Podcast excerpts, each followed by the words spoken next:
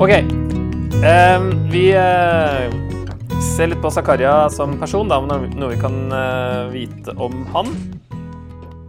Det står nå i hvert fall at han var sønn av Berekia og sønn av Iddo, altså sønnesønn av Iddo. Um, han regnes for å være den samme som nevnes i Nehemia 12,16. Eh, som også er sønn av Iddo der. Da hopper det vel over Berekia, men eh, det er jo vanlig.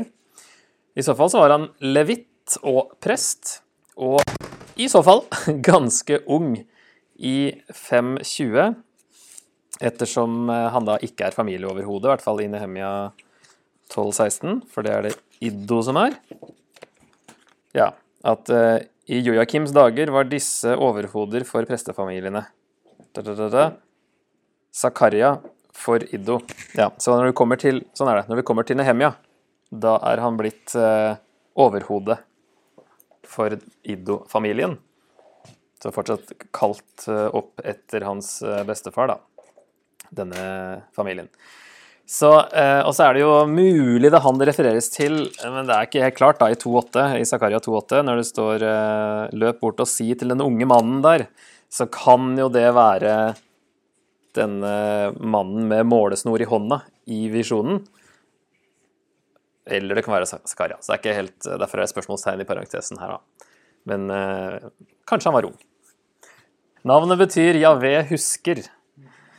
Zakaria ber folket huske på fortiden og ikke være som sine fedre. Og det er jo det han begynner med eh, i dette introen sin, som er interessant. For det er før disse her nattvisjonene, så jeg har ikke tatt med den for så vidt i eh, strukturen.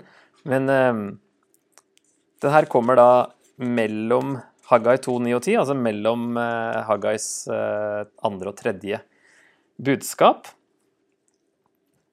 I åttende, I den åttende måneden i det andre regjeringsåret til Daraios, altså i 520. Kom Herrens ord til profeten Zakaria, sønn av Berekia, sønn av Vido. Og så er det en sånn åpning som på en måte legger grunnlaget for hele boka her, da. Herren var harm på fedrene deres. Du skal si til folket, så sier Herren over herskarene, vend tilbake til meg, sier Herren over herskarene. Så vil jeg vende tilbake til dere, sier Herren over herskarene. Ikke vær lik fedrene deres. De tidligere profetene ropte ut for dem, så sier Herren over herskarene, vend nå om fra de onde veiene og de onde gjerningene deres. Men de hørte ikke og lyttet ikke til meg, sier Herren. Fedrene deres, hvor er de, og profetene, lever de evig? De budene og forskriftene som jeg påla mine tjenere, profetene, har ikke de innhentet fedrene deres? Så vendte de om og sa, Herren over herskarene har gjort det han hadde bestemt å gjøre med oss, slik vår ferd og våre gjerninger har fortjent. Noen som eh, oppdaga noen repeterte ord og uttrykk her? Det er et som bare kommer rett i fleisen med en gang. Det er Herren over herskarene, som kommer hele veien nedover. 53 ganger i denne boka. Vet ikke om dere la merke til det utover? Ja. Det er noe som Zakaria virkelig vil eh, Det er som hans navn på Gud, det. Og vil, eh, vil ha inn den. Det er jo et uttrykk for at Gud er herre over alle slags makter, alle slags hærer. Skarer av hærer. Det er det herre Sebaot eh, som ligger bak her, da. Herren Sebaot, som er i noen sånne sanger. Så det, er, eh, det kan være både militære makter, åndelige makter, og så er det også stjernene som i andre religioner ble sett på som åndelige makter. Og så står det jo i, i skapelsesberetningen at eh, himmelen og hele dens hær, og da er det jo snakk om stjerner og planeter og sånt. Så det kan være Altså uansett, da, Gud er eh, herre over alt. Alle slags hærer. Um, det her brukes jo mye etter eksilet. Det brukes 13 eh, ganger i Haggai og 24 ganger i Malaki.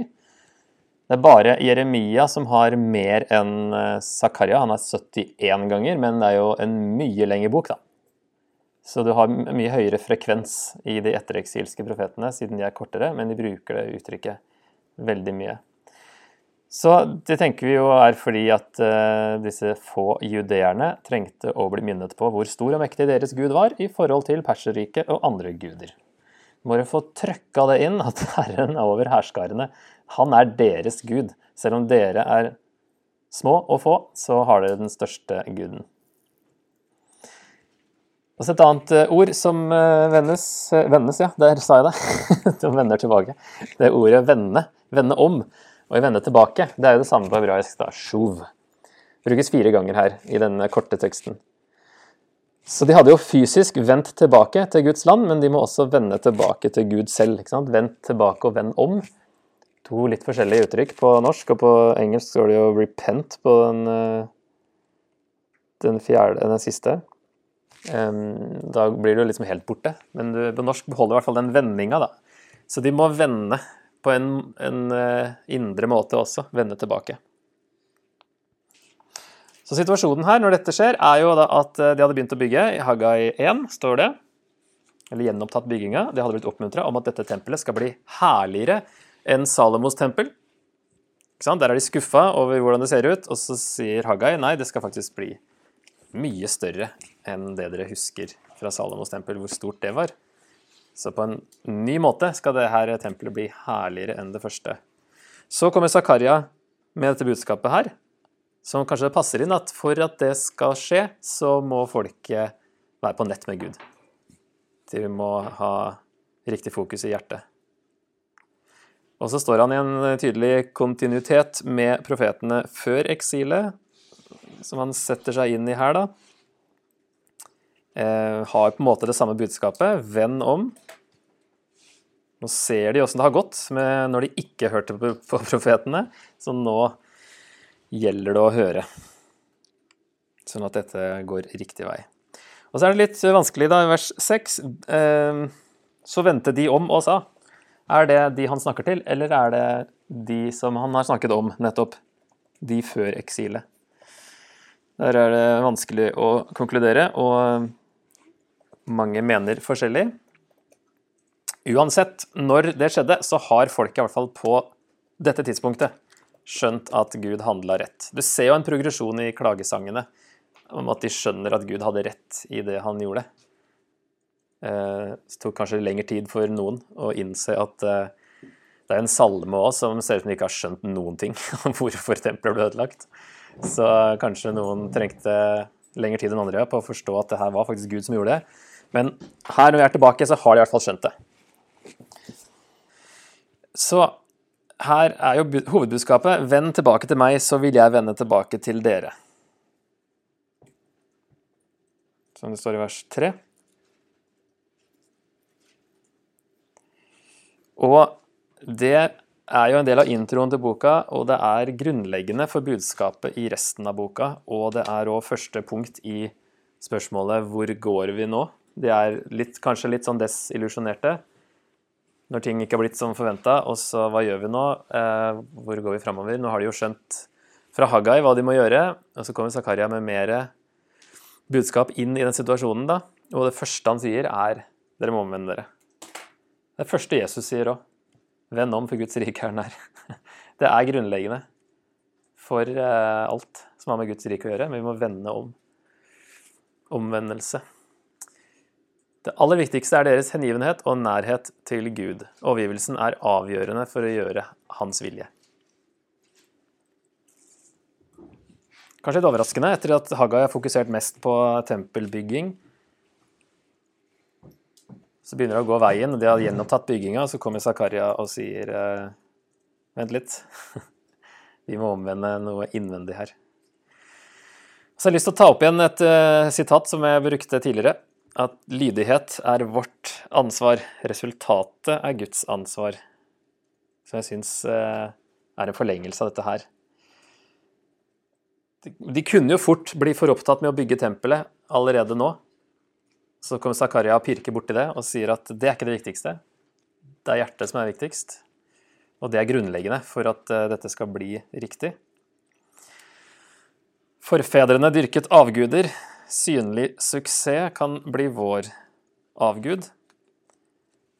Være mindre opptatt av resultater og mer opptatt av å være trofast. Og Det er litt sånn som Daniel, som vi så, at han var bare trofast hver dag i et langt liv. Og så er det noen sånne høydepunkter som er verdt å skrive ned men stort sett så var han bare trofast.